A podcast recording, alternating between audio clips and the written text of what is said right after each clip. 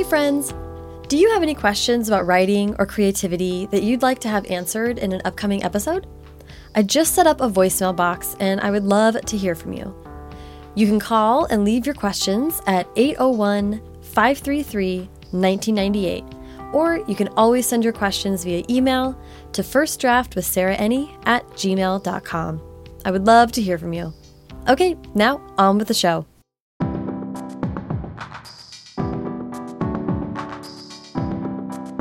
Welcome to First Draft with me, Sarah Enni. This week, we are continuing with our month of live episodes. Today, featuring audio from the March 2019 event at the University Bookstore in Seattle, Washington, with Kendare Blake, author of the Three Dark Queens trilogy and Anna Dressed in Blood, and Somaiya Daud, author of Mirage, and me, Sarah Enni, author of Tell Me Everything and host of this podcast. This event was fascinating because Somaiya and Kendare, they're both fantasy writers, and we got into the concept of world building. And though both Somaiya and Kendare build intensely complex, truly lived in worlds, they take completely opposite tracks to get there. I loved hearing them talk about how they go about that process and all the different kind of tricks that they use to get into it. I also got to talk about world building in contemporary stories, which is one of my favorite things. So please sit back, relax, and enjoy the conversation. And now please join me in welcoming Sarah Enni, Somaiya Daud, and Kendare Blake.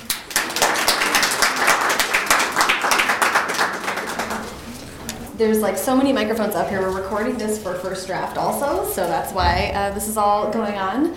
Uh, it looks kind of ridiculous, but it's for a good cause. But yeah, I think we're all going to like introduce and talk about the books that we're mostly going to be discussing today. So I'll talk about Tell Me Everything, which just came out last Tuesday.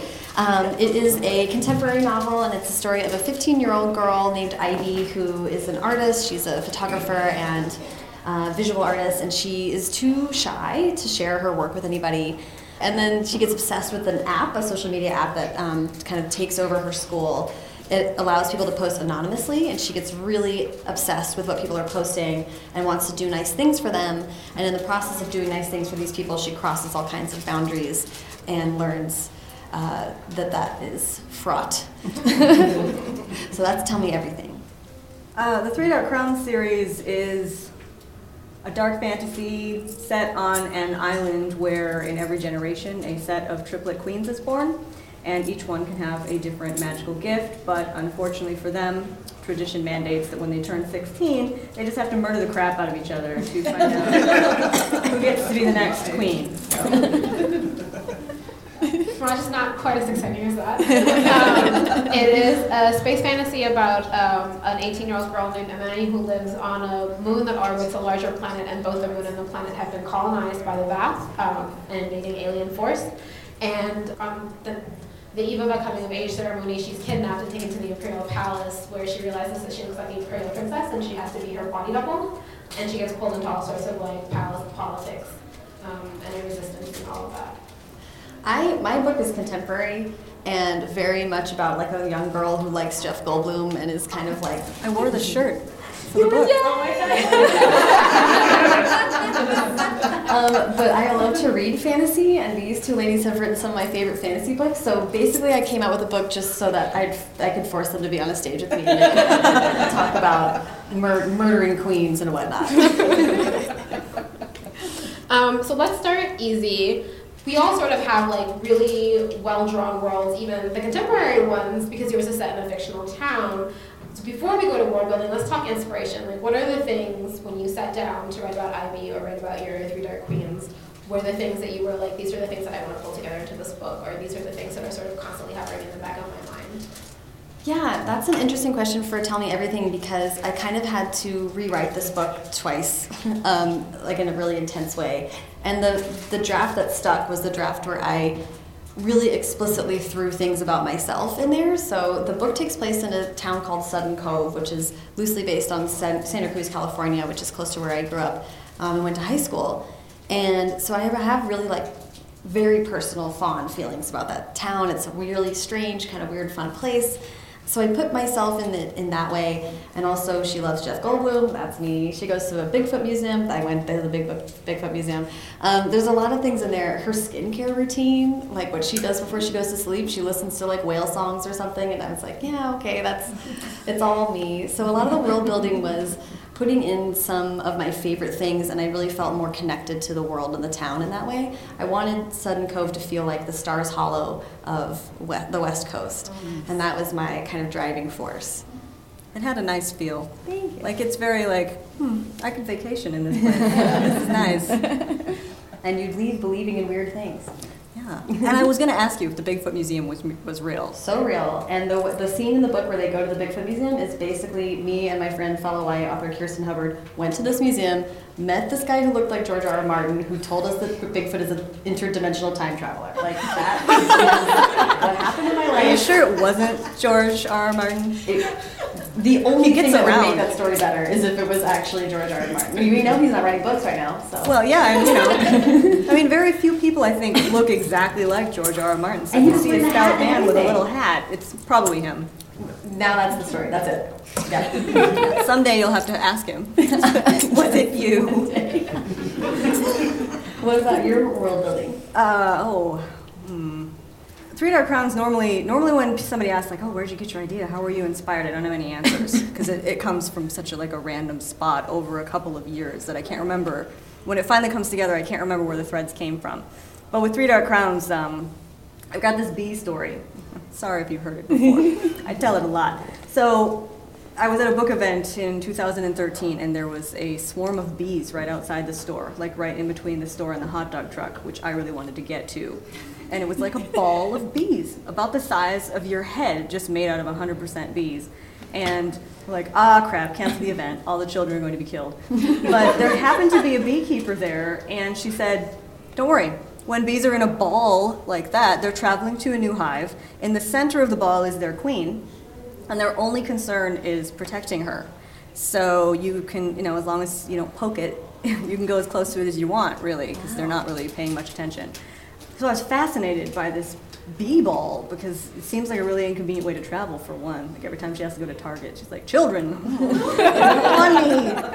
Um, and also I was fascinated by this beekeeper because I'd never met one before. So I peppered her with all these bee questions all day long. This poor woman, we're friends now, it's fine.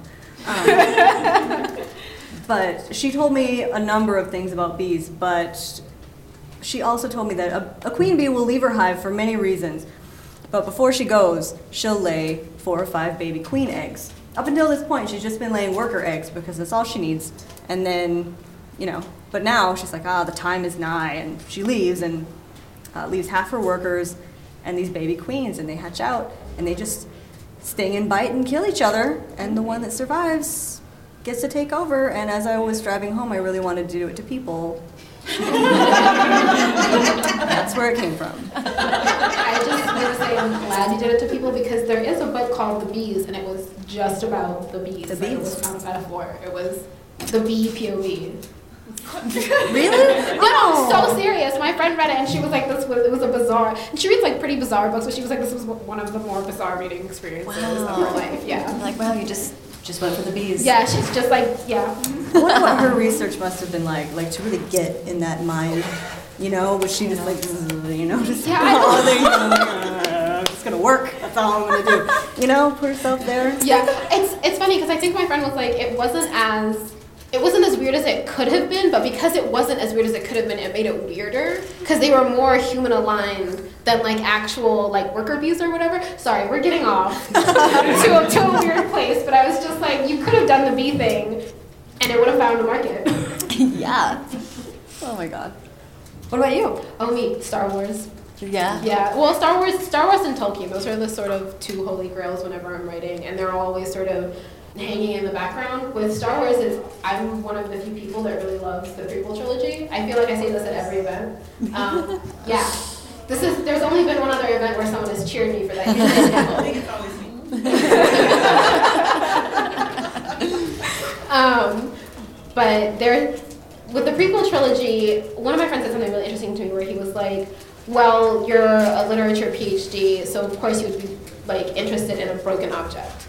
was how he framed it to me. He was like, they're, well, I mean, they, they, they're rife with all of these problems, mm-hmm. and so my scholar's mind is like, here are all of the ways that you can fix them, and here are all of the ways where all of these tensions and disruptions are weird and interesting. And that is how I approach the prequel trilogy is when I, when I have writer's block, I watch Phantom, The Phantom Menace, because I just fix that movie as I'm writing, as I'm working, and it helps loosen other problems in my head with my own projects. But I also really love the Rush costuming and I saw the Star Wars costume exhibit when it was here at MoCA mm. three or four years ago, um, and all of the placards were like, "This is from East Asia. This is from Mongolia. This is from the Ottoman Empire." There are no brown people in Star Wars. so I was like, okay, I'm gonna fix that. Yeah. And then with Tolkien, I just love history, and so like I always have these like huge codexes that never make it into the books that I'm writing. Um, but I always have like rooms of mythology and folklore and poetry and stuff that makes the world feel more filled out so that even if it doesn't make it into the book, it feels like if you lift the curtain, you can see the rest of it. Yeah, Somaiya and I are friends in real life, yes. and so I happen to know that when you start a new project, you by the time I think I even hear about it, you're like, well, here's the history of this world back 700 years, and the, the, lineage of my main character is, and I'll, I'm like, oh my god. I think the last time we did a retreat together, I drew her a diagram yes. of like the, the god pantheon or something. Yeah. Where I was like, here's what you need to know to understand the first 10 pages of my book, and she was like, no. It was like about that 10 pages. right. What happens in those? Like, no. I was like, so you you like the Silmarillion, huh? I wouldn't have guessed. If you follow me on Twitter, all I've been doing recently is yelling about the Lord of the Rings revival. It'll be a very difficult time for me. are you are you not like titillated by the thought of hot Sauron? oh my god. I literally have a tweet where I'm like, my, really, because I'm really concerned about the map, right? The map is really bad because all of the brown countries are empty, which is terrible, and also I don't want to see like Amazon's take on maybe the servants of the enemy are complex. But also on top of that, I should. What I'm really worried about is people being like, Annatar is so hot, and I show Sauron and Celebrimbor. Like that's gonna be a really hard time for me, guys, Ooh. because the fandom hasn't changed since '98, and now they're gonna get on-screen rep, and it's gonna be really bad. That is a scary thing. The fans should never get what they want. No. that no, way lies madness. In the Shadow of War game, Shelob is a hot lady. She's a spider, guys. Yeah, ew. I found that so weird. It was so weird, and they like gave her like a sex plot with Sauron, and her origin story now is that she became a spider because she's Sauron's spurned lover. Wow. This is what we're dealing with, guys. wow. That's what happens to you? That's what that's literally what happens is like he's literally like, sorry, it's just politics, and then like it cuts to her in Cirith Ungol becoming a spider. Well, that's one way to go, I guess. Yeah. Sometimes you just take it that bad. Um, wow, okay. Wow. All right, we've done Star Wars and Lord of the Rings now. I think, yeah, we're good. yeah. We're good. Okay, so let's actually talk about world building because we talked about inspiration and like how these stories come to life. But you build like a really great. I really love the like Stars Hollow on the West Coast idea, and it's so lived in, and it feel like I told Sarah like half, for half of the book I thought this place was a real town because it felt like I could go to Google Maps and drop the little pixel guy in there and like walk around. so like, how do you do that and then build your island bee colony of people? Yes. Well, I, well, thank you for saying that. I appreciate that. It, it really like I grew up reading fantasy the whole way, and I keep like I, I'm so happy to get the chance to talk about this. Like even though I'm writing contemporary, I think I really approach it the same way. Like I I still really want at the beginning of every chapter or every scene or every um, setting shift to put my reader where they are and what what it smells like and what the details are that I notice and um, what that world feels like. So that's really important. Like setting is really important to me as a reader. So as a writer, I really prioritize it. And then um, I like that. I, am I'm, I'm happy that it feels lived in because these were definitely characters that I felt really fondly about, um, especially over time. Uh, like the guy that owns the photography store is so weird, and his relationship with this cat is so weird, and I just love them. Um, so I wanted it to I wanted it to feel like Stars Hollow, where people or Parks and Recreation, where you meet someone for the first time and they obviously have this whole life. You only see the tip of the iceberg, but you kind of get the sense that if you sat down with that person, they'd have a weird, cool story to tell you. Yeah. So so I really did prioritize setting and um, characterization in that way, kind of leaving breadcrumbs and hopefully leaving people with a sense that this was a bigger world.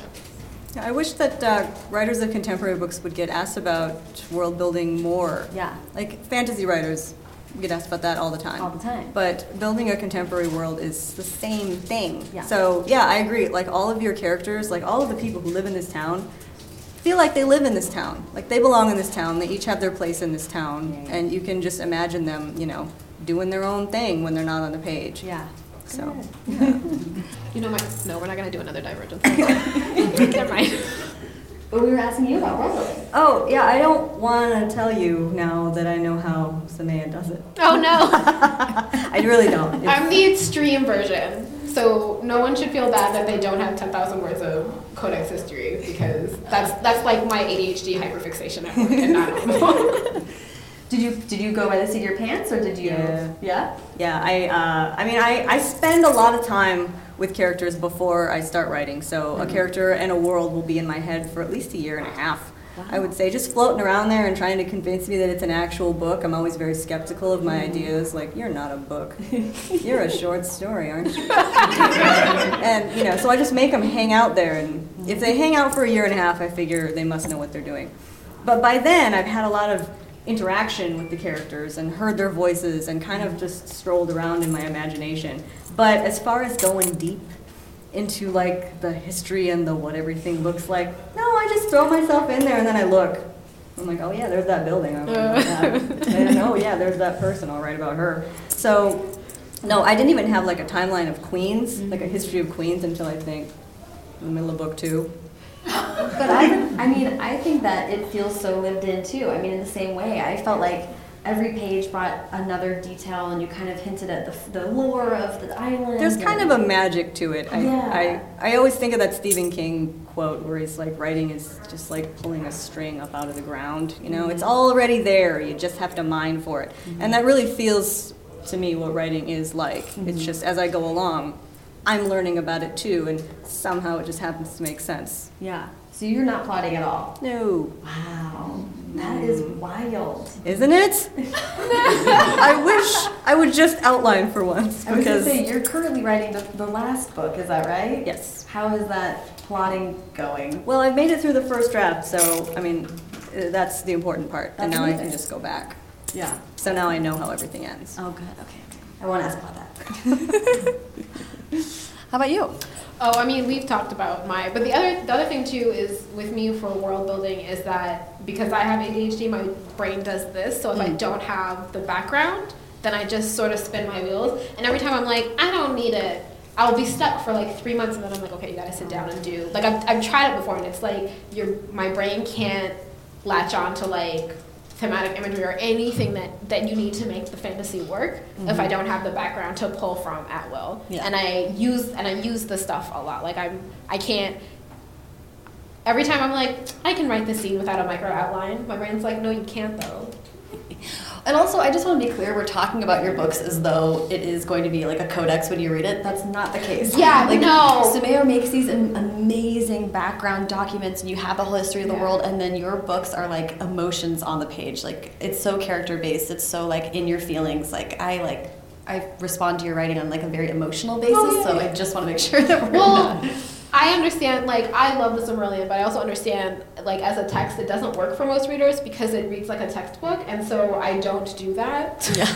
I go out of my way not not to do that. um Very wise. Let's let's see. Uh, oh, okay. So we all have characters who are trying to exert power over their destiny or their environment, and they're successful in like differing ways. Are you guys like intentionally playing with the ways that like teenagers can be powerless in the face of like power structures and that sort of thing? I think yes, I was. I like it took me until the third draft to the writing, burning it down, writing, burning it down, and then on the last draft, I was like, you know what, this book is missing is a villain because I think I truly am a fantasy writer who is like struggling. But I was like, I need a villain um, to cast this as, and up until that point in the book, the social media app is called Veil. And I had only hinted at its origins, and then in the final draft, I was like, "Who built this thing?" Oh, really? So that's how I got to a character named Rake Bermkazerg.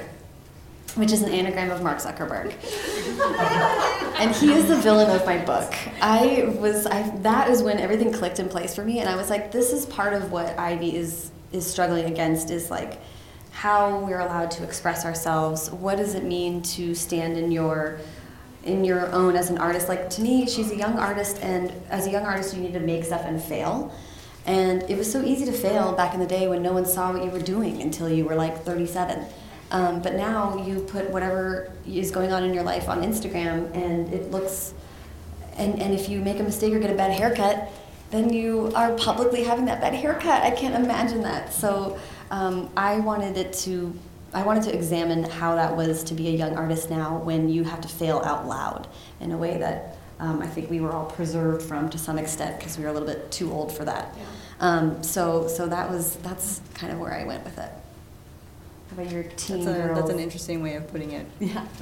I would never have guessed that, that he was the last, a, a final draft edition, because I mean, he was, so he was waiting, throughout, obviously. You know? yeah.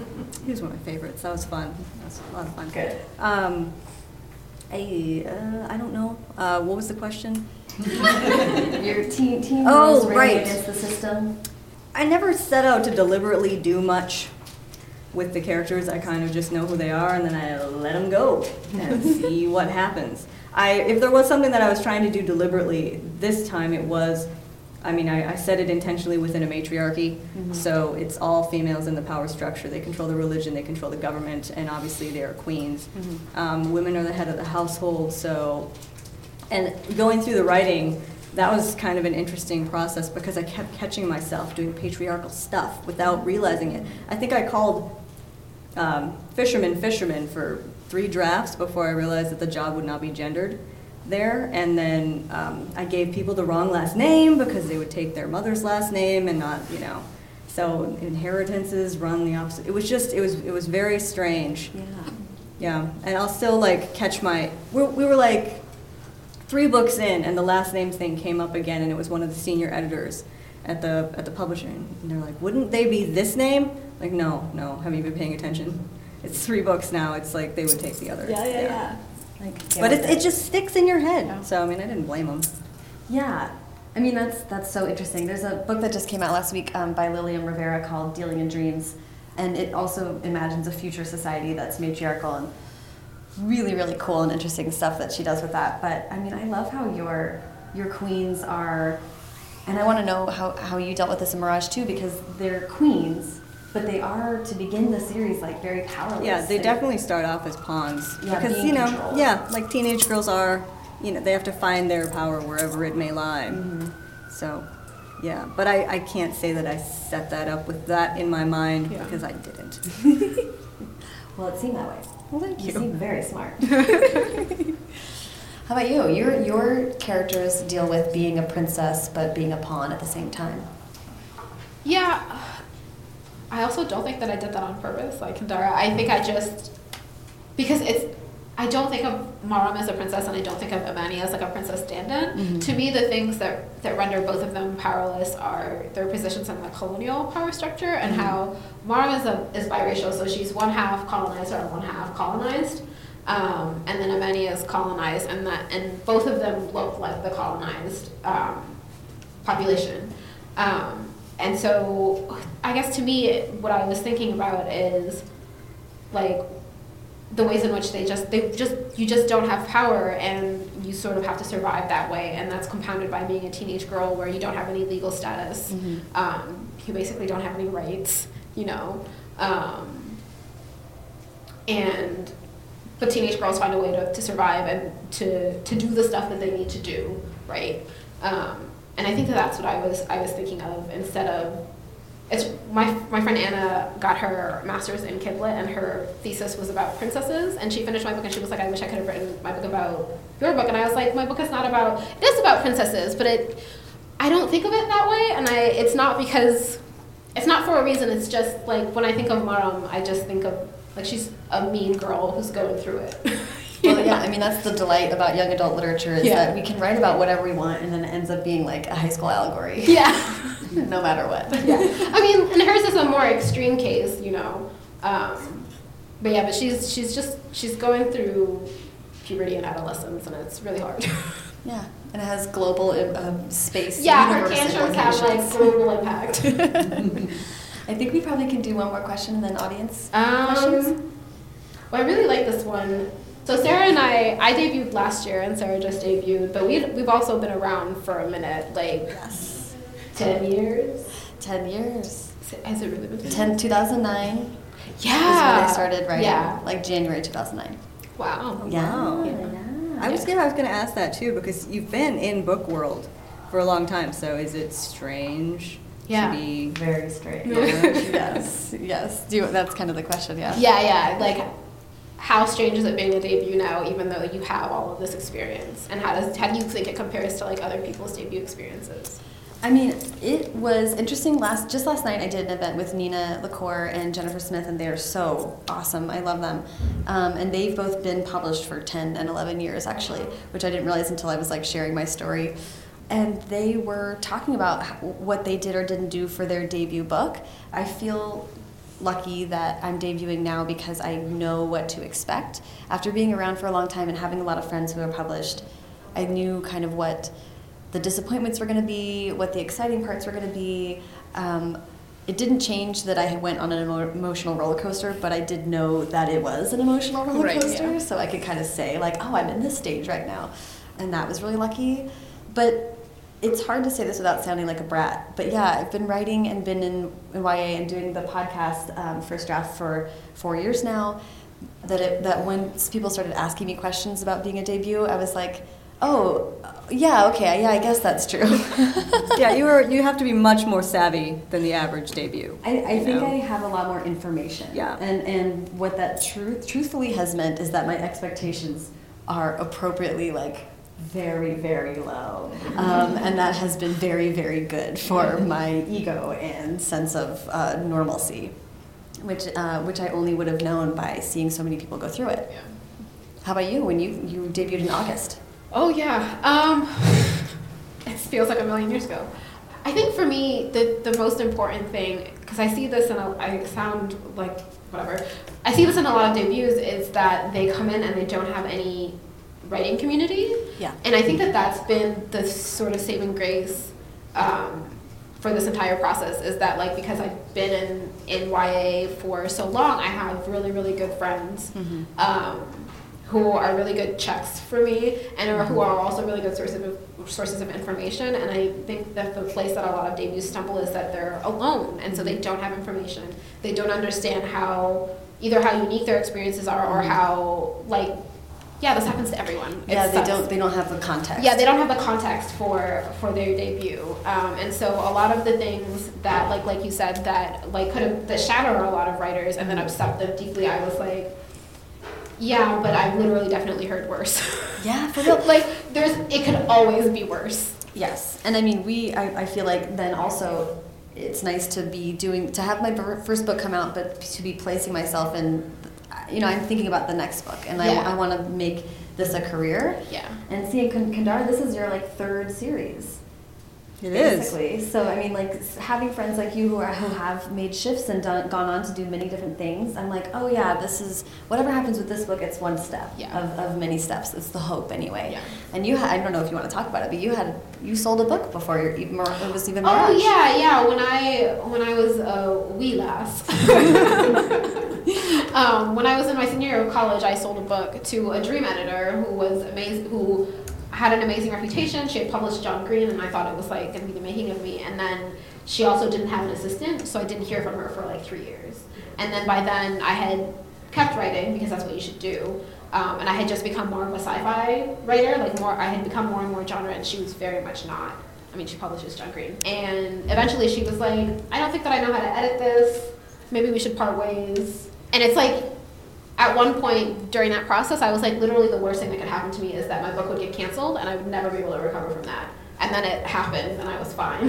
Yeah. you know. Um, Yeah. And it's just it's one of those experiences where when it's happening, you're like, this is literally the worst possible outcome. But also, I think if that book had gotten published, um, I would not be a happy camper. Yeah, you know, totally. like there's just like, and not to sound cheesy, but like oftentimes the the like path you didn't choose, you didn't choose it for a reason. Like you didn't walk it for a reason. Yeah, I like that. So anyway, we're old hags up here. Yeah. being treated like fresh new faces.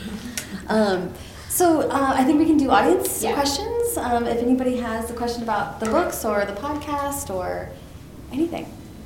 How many episodes has the podcast at now? What a good question. it is, I think, uh, I just released, I think, 181. Oh, Yeah. So, nice. yeah. so, uh, yeah, if you guys enjoy this conversation, there is a lot of hours more of similar conversation available to you at your, at your choosing. Yeah. Any other questions? I have a question for Yeah. When you say that you write this, all this back history for your your books, how do you ref, go back and reference, how do you organize it and reference it? Oh boy. Um, so a couple of things. I use Scrivener, which is uh, a writing app where you can split things into folders, and so there's like a codex folder. Um, I think it's called research or something, but I always rename it as codex. And then I'll split it into um, history. I'm trying to figure out how much of myself I should have here. I have like, I have people of note, history, mythology, historiography, which is like the competing accounts of things. And that only that's only happened with one book that no one's read yet. So, and then I I also recently paid fifty dollars for Aeon Timeline, which is timeline software, and I made a thousand year timeline because I'm an editor. I like how my exaggerated story of the 700 years was actually not long enough. I know, but when I did that, I managed to write the book, Yes. and it was a book that's been stumping me for two years, and it like finally unlocked. I'll give you your writing advice. Go back a thousand years. don't, don't. The other thing too is that like that timeline never appears in the book. Like I finished writing the book now, it does not make an appearance in the book. Like two people out of the timeline and like two events out of the timeline appear in the book. The rest of it is just there for me to know Yeah. and be really happy about. Like I, I have the app open and sometimes I just scroll through it because it's also color coded. I actually, I have a question for that about when you do a series, your publisher has to be like tracking that to make sure that continuity is Oh, maintained. yeah. Is that right? How do you? Well, how I do mean, you you'd think so. Oh no. You know, I mean, no, uh, there's a mistake in the first edition of Two Dark Reigns. The previous three queens on the island were all poisoners. Uh, poisoner is a specific magical gift that you can have that just allows you to eat all the poison you want and not get sick.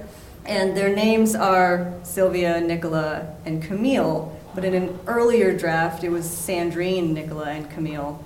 And sure enough, in Two Dark Reigns, I all of a sudden start calling them Sandrine instead of Sylvia. I'm like, ah, And how, who, balls. how did you find out about that? A reader, of course. I was gonna say the, co- the true continuity checks Yeah, are the yeah. readers. So then I went to my editor. I'm like, can we get that? You know, and in reprints, it's it's fixed, but it's embarrassing. You're only human. but usually that is someone's When job. is the fourth book gonna come out? September 3rd, assuming I finish it. Yes, Kendare is taking a, a break from, from writing to be here with us, so I appreciate that. Yeah, go for it. So speaking of finishing it, and uh, you know you've done with your first draft, how do all of you approach the revision process? Oh boy. um, that's like the whole process for me. So the first draft is horrible. Um, it's like not fun for me. I don't like a single moment of it. Um, and I have to force myself to get through it, and I have to outline a bunch and re-outline a whole bunch, and then um, and then revisions happen. And every time that you open up your document, you somehow find a way to make it better usually, and that is a um, wonderful feeling. So I kind of I, I'll read through the book once I've taken time away. That's a huge, huge important step. Take time away, go back, read through the book, take notes as you go, come up with a plan for revisions, and then just kind of like go through the thing and make the changes. I go chronologically the whole time. Um, and then I have beta readers go and repeat, rinse, repeat a couple, two or three times. Um, and then my agent is very editorial, so she basically let me do it with agent uh, all over again. Yeah. Yeah, how about you guys? Uh, it's it's different for me for every book. So um, my debut, Anna Dressed in Blood, was a horror book about murderous ghosts, and my revision process was basically at a lunchroom scene and hey could you not have your ghost eat a waffle? Because she's dead. And i was like i know i'm sorry. I was hungry. I was hungry. I hadn't had a belgian waffle in a really long time and she hadn't had one in even longer so i just thought give one to her.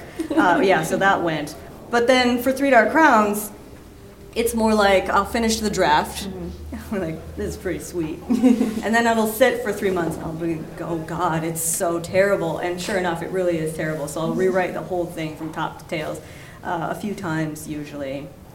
Wow. And then, uh, and then my editor will say, do more, and then I'll do it one more time, and then maybe, maybe that one will be the one. Do you save chapters? Are you able to save anything when you? I always think I'm going to be able to, but no. Wait, so you rewrite from scratch? Not from scratch. Like everything that hap- like most of the stuff that happened happened. I'm just telling it so badly. Like I don't even speak words anymore. So it just ha- has Yeah. like my sentence structure's terrible. I'm just, I'm just crap. So, But you have the the body. but of the it. bones Yeah. is there usually. Yeah. I mean, sometimes. Sometimes it's not. Sometimes I have to pull out entire half of a novel and put a whole new half in. That completely different stuff happens. That sucks. I don't like it. That's fair. Yeah. How about you? Um, mostly it's like adding and deleting. Oh yeah. So I'll like I'll walk away from a draft and then come back and be like, because I'm also a really intense outliner. I bet no one could have guessed that. shock. So before I even draft, I have like a 6,000 word document or spreadsheet where it's like, here's everything that, that needs to happen. And so sometimes it changes when I'm writing or whatever, but usually by the time I have I have a first draft, like the bones are pretty solid and the plot beats are there, and it's like you haven't lingered in this emotional beat long enough, or you, you like this doesn't make sense because you haven't scaffolded it right. Um, and so you need to you need to add these chapters in or these scenes in, and you need to get rid of this because this doesn't make sense. That sort of thing is usually what I'm doing when I'm revising.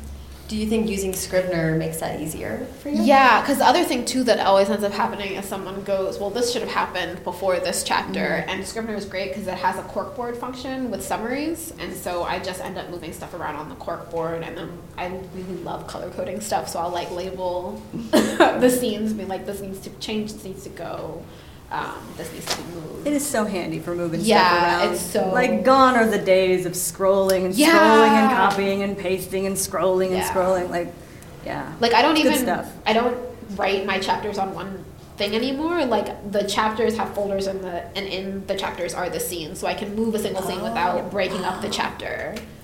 Dang. Yeah, so it's really really nice. Yeah. Really, really nice. And for any of you writers out there who haven't tried it yet, it's like thirty bucks. Yeah. yeah. And it's so cheaper worth if the you're a student. If you have a student email. Mm-hmm. Scrivener, we, we support it. Yeah. Yeah. We probably, we, I think we do one more question, then we'll do a signing, if anybody has. I warned these ladies before we did it that my mom was gonna ask about their books, and she did. Is there something everyone in this room should take away about radioactive waste? Oh yes. Oh my god. What a dream. Thank you for asking that. Uh, so I did, I, out of college, I, one of my first, my first gig was writing about radioactive waste for a trade publication that about all kinds of energy. And truly, I was, I think, the only reporter in the US that was focused solely on radioactive waste for four years. You guys, what a life. It was crazy. Um, I was 23, just bopping around the US, going to all these conferences and talking to lawyers and policymakers and, um, and so many engineers. I, and I guess the TLDR of it is I support nuclear power. So I walked away from talking to that many scientists and that many people and sitting through all those meetings, and I was like, you know, this seems like a pretty good deal. Um, except the problem is with the waste, because we currently have a hollowed out mountain in Nevada, and the people of Nevada that live near that mountain really want us to send our radioactive waste there, and that was the plan the whole time. But uh, the people that live in Las Vegas were like, what? That sounds horrible. We don't want to do that. So now we have a hollowed out mountain with no waste inside of it, and waste is sitting at nuclear power plants across the country. Um, that it wasn't meant to be doing that, and it's like 30 years old, and it's just a uh, ripe target. I have a question. Yes. Cause now, I'm like, so is the mountain? I guess because the like the buzzword with radioactive waste is that like it's gonna do radiation and you're gonna get stuff like cancer and stuff like that. And so is the idea that the mountain is shielded enough to maintain like the radioactivity? Yes. Okay. Exactly. And it would be housing the, the waste here we go. There's, there's waste A, B, and C. B and C are the bad stuff. Okay. Uh, a is like your clothes and stuff. Yeah. Um, B and C are already put in special containers. So those special containers will be put inside other special containers and put inside a mountain, which Mm, itself is a special container. So, you know, hypothetically, it's I mean, and hypothetical is all we have. They've done the math out to 10,000 years, I think. Yeah. Uh, the math they have to do is so nuts. It's like, what if a farmer one day drilled into the middle of your thing and uh, in 10,000 years in the future he was using that water to feed his cow or whatever? It's Yeah. like they have to like do these models with little Microsoft Word people. Um, so it's pretty impressive science. Mm-hmm. And, uh, and the fact is we have a mountain for it and it shouldn't be sitting just like on cement slabs all over the Right. Is this a naturally occurring hollow mountain, or did like No, somebody no. go to the trouble of hollowing that bad boy out? We have and then it's hollowed just- out. American workers hollowed out a damn mountain that we're not using it. so there's probably a dragon. There's a book for you. There's probably a dragon in it now, honestly. Um, thank you so much for that question. I never get to talk about those. I have so many feelings. Um, you guys, this was so fun. Thank you so much for coming, and thank you guys for Oh, she's joining. got her hand up. Oh yeah, wait. Yes, I would love to answer your questions. Sarah, do you have um, any ideas for your next book? Maddie, what a great question. Thank you so much. um, I have written another book that also takes place in Sudden Cove. It is. It has not sold yet, but I think if I keep talking about it, someone will just buy it. Um, it's with my agent right now, so we're, it's going to go through a whole bunch more revisions. But actually, the book, uh, that book, predates Tell Me Everything. It's a book I started writing in 2012. Somaiya's read it a couple times. It made me cry. Yay! I know that's not easy for you. Easier recently than, than ever before. Um, so I'm really hoping that so it'll be it's about different characters, but it's in the same town, and it's another contemporary story, and I'm. Uh, it has punk rock and slightly less Jeff, Jeff Goldblum, but maybe in revisions that will get fixed. Thank you, Madison. Good question. I think I think we can go ahead and sign books now, you guys. Thank you so much for coming.